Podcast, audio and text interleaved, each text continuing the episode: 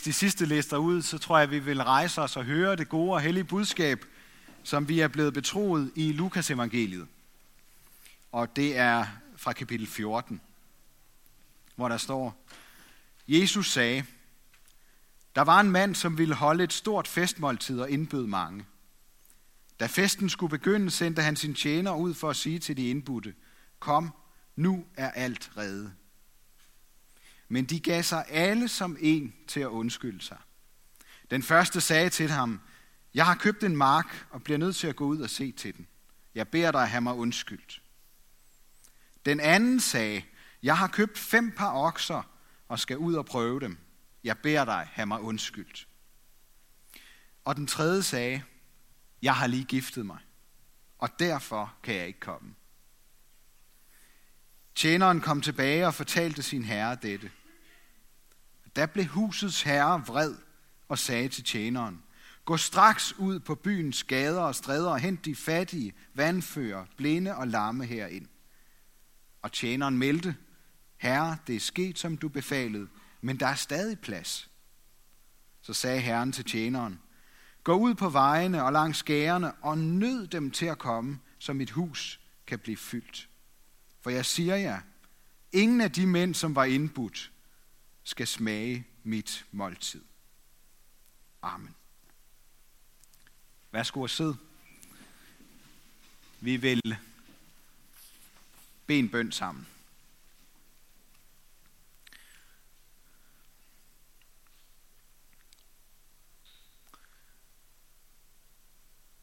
Jesus, i dag der vil jeg gerne sige dig tak for, at du er så ærlig, som du er.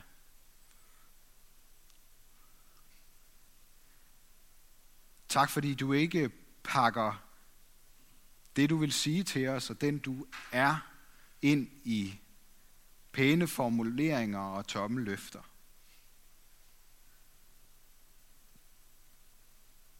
En tak også fordi du giver os en mulighed for at være med til din fest.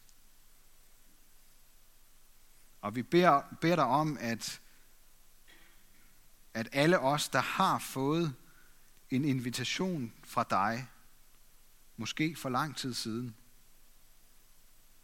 at vi ikke må undskylde os. Og vi beder om, at hvis det aldrig rigtigt er gået op for os, hvad det er, du inviterer os med til, så beder vi om, at vi må få øjnene op for det. Måske i dag. Jeg vil også bede dig for børnene nedenunder til børnekirke og for lederne og de forældre, der er med der. Giv dem også lov til at opleve, at det er dejligt og festligt at være sammen om dig, Jesus. Amen.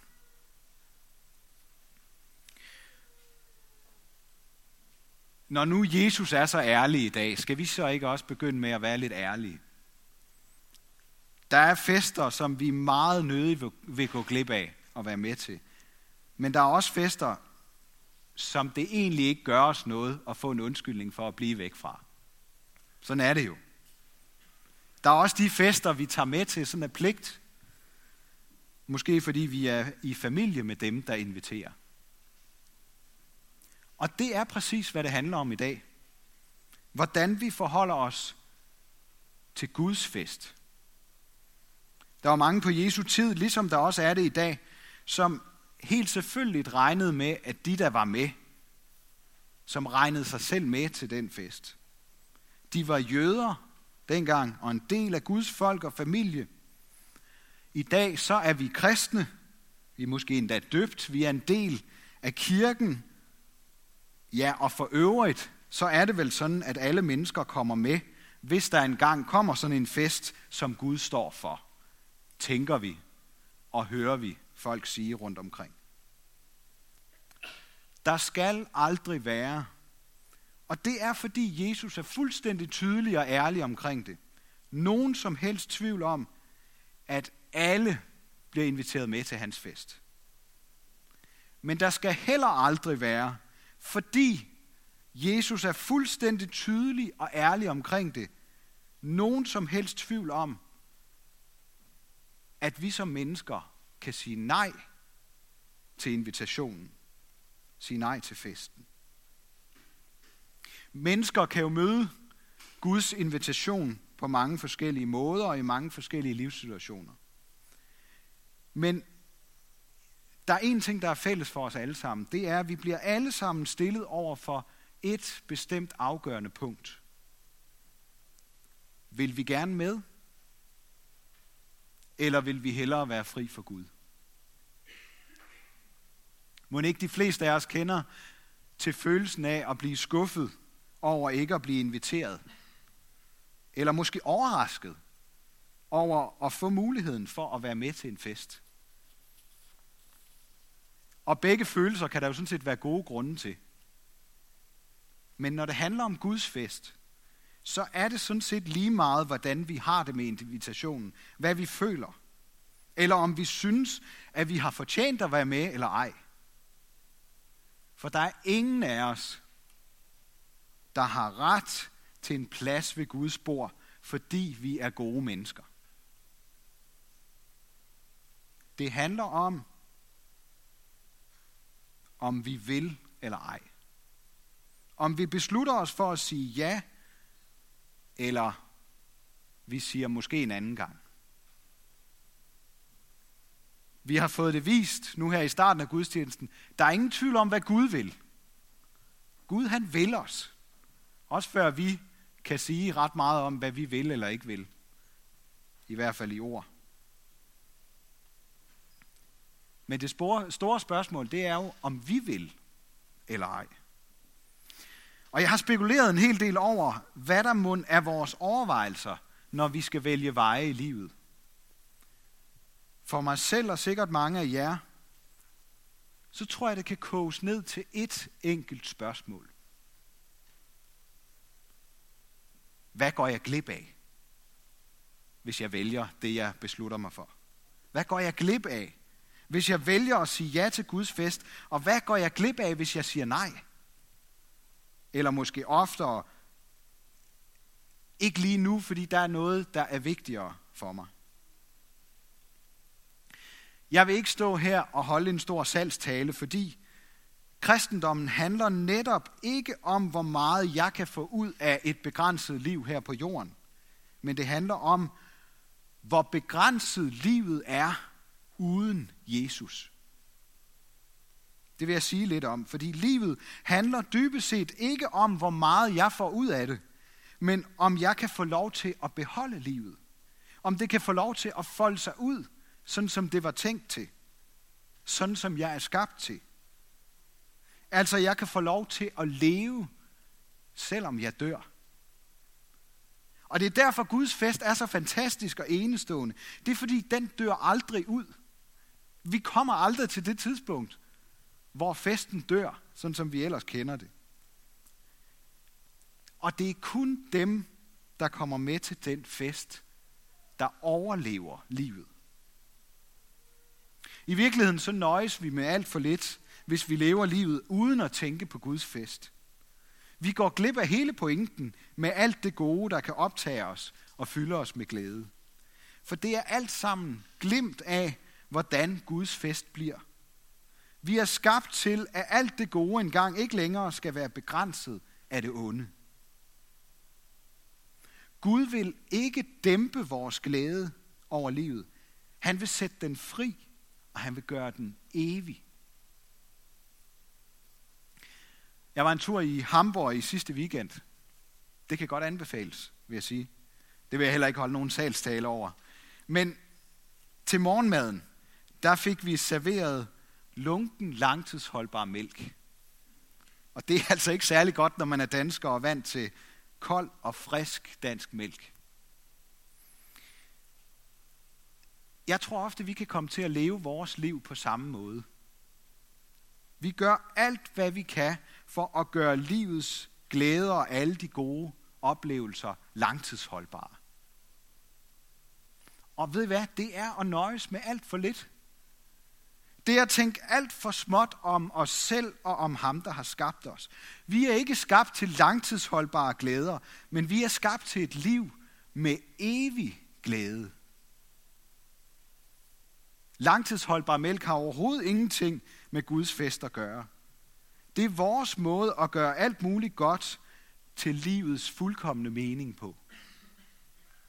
Det skal helst holde så længe som muligt, så vi kan få mest muligt ud af det.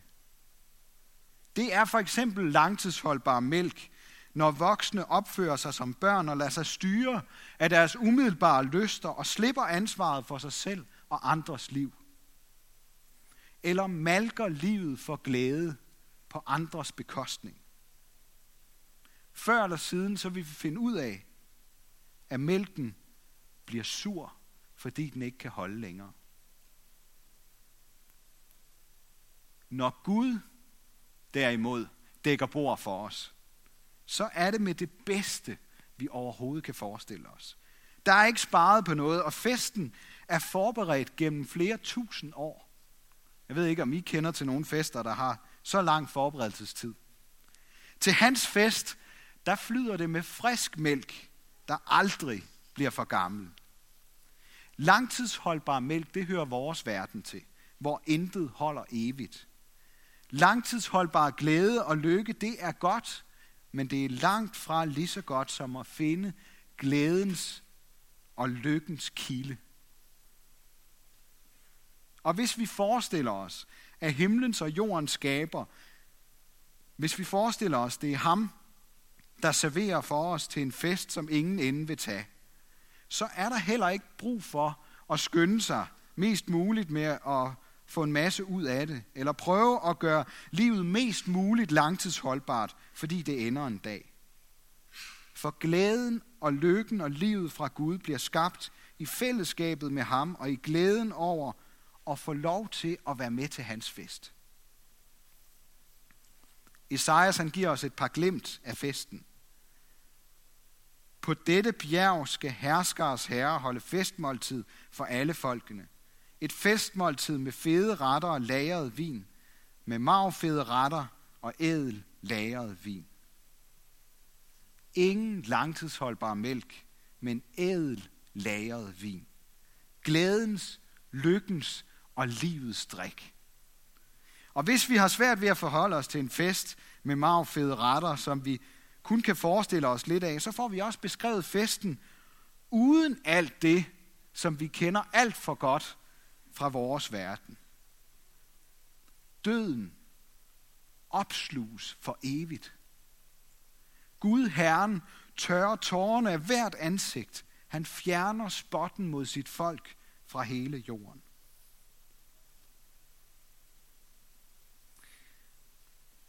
Min søster har fortalt mig, at hun var til barndåb kort efter, at øh, vi havde mistet vores far.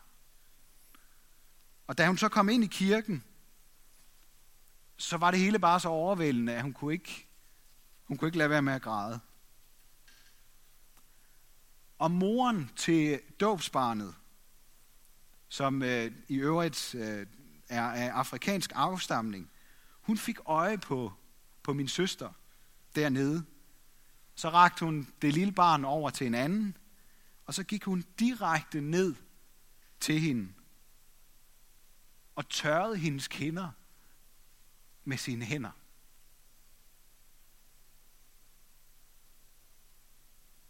Og så gik hun tilbage igen. Uden at sige noget som helst, så fik hun sagt, jeg har set dig. Jeg har set dine tårer. Og jeg vil gerne have dig med til min fest. Prøv at forestille jer at mærke de sidste tårer nogensinde blive tørret af dine kinder. Aldrig mere skal dine øjne lukke tårer ud på grund af andet end glæde. Forestil jer, hvilken, hvilken fest det bliver. På den dag skal man sige, han er vor Gud, vi satte vort håb til ham, og han frelste os. Han er Herren, ham håbede vi på. Lad os juble og glæde os over hans frelse. Glæden ved den fest er ikke båret af maden, af det gode selskab eller vinens påvirkning, der alt sammen kun holder et stykke tid. Glæden springer ud af, at vi er frelst. At Gud har frelst os fra død og fortabelse, og at vi kan feste sammen med vores redningsmand lige så længe vi har lyst.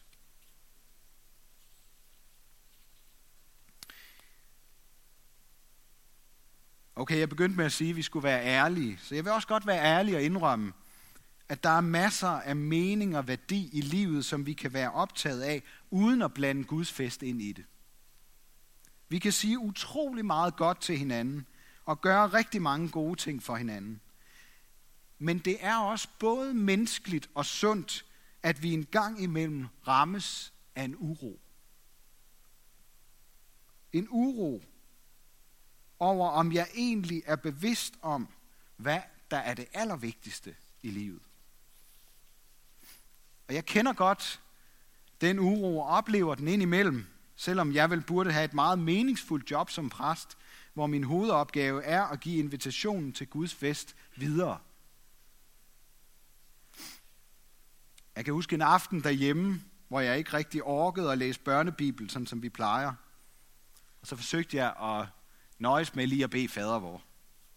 Og både Anton og Sine, de sagde i munden på hinanden, vi har jo ikke læst børnebibel. Og jeg var så træt, så jeg svarede, hvorfor skal vi det?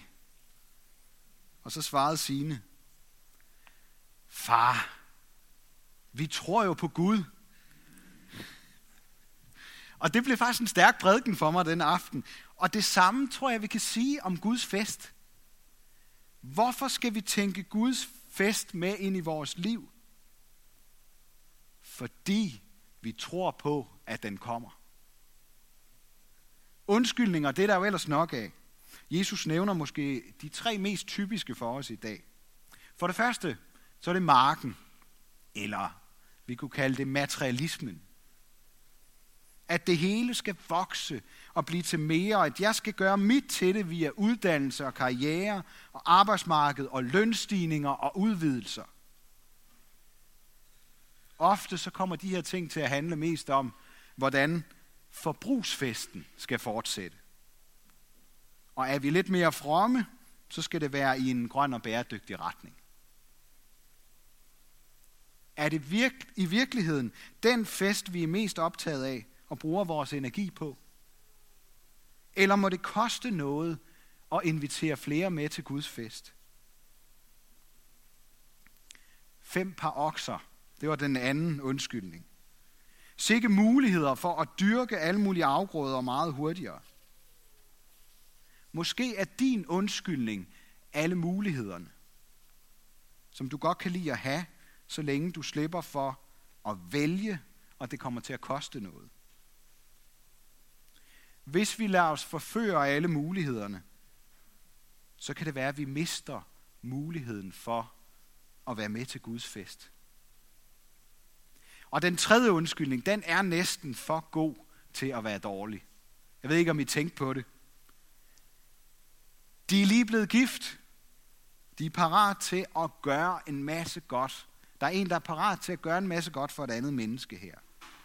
Men selv mennesker og gode relationer kan komme til at stå i vejen for Guds fest. Kong Salomo i det gamle testamente er et skræmmende eksempel på et fromt menneske, der som ung bad Gud om visdom i hjertet, og som blev den konge, der sørgede for den bedste og største velstand i Guds folks historie, og som oplevede alt, hvad han kunne drømme om. Og i øvrigt så blev han også gift mange hundrede gange, hvis der var nogen, der skulle drømme om sådan noget. Han skriver en hel bog om, at alle vores undskyldninger og glæder i livet er tomhed hvis vi ikke tænker vores skaber og hans fest med. Hvis vi vil med til festen, så kan vi komme det. Hvis vi ikke vil med til Guds fest, så er der andre, der kommer med i stedet for, fortæller Jesus. For han vil have sit hus fyldt med gæster. Om de så er fattige, vandfører, blinde eller lamme om han så skal presse og nøde dem til at komme med, selvom de ikke forstår, at de må være med til sådan en fin fest. Selvom de ikke synes, de er gode nok. De, der ikke synes, de har så meget at miste her i livet, er ofte mere modtagelige for at komme med. Og måske er det derfor, det er så farligt at være rig. Fordi vi bilder os selv og hinanden ind, at vi kan klare os uden Jesus og Guds fest. Over for Gud, der er vi alle sammen tiggere. Vi er af natur nærsynede mennesker, der ikke selv kan se, hvad vi skal med Guds fest. Med mindre helligånden løfter sløret fra vores øjne, så kan vi ikke indse det. Og derfor har Jesus offret sit liv for at åbne vores øjne for Guds kærlighed. Og han inviterer os ikke bare med ord, men med sit liv og sin død, så gør han festen mulig og slår med sin opstandelse hul ud af vores verden, som vi højst kan gøre lidt mere langtidsholdbar, hvis vi hjælpes ad. Til Guds fest skal man ikke kunne noget særligt for at komme med. For du er noget helt særligt. Og det, der venter, er noget helt særligt.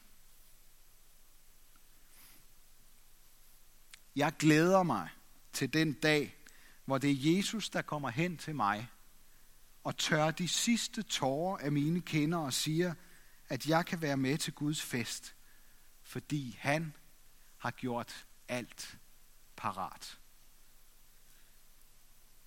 Vil du ikke også med til Guds fest? Ære være Gud, vores far, der har skabt os i sit billede. Ære være Guds søn, der tog vores straf, så vi kan slippe fri. Ære være Helligånden, ham der gør Guds kærlighed levende for os.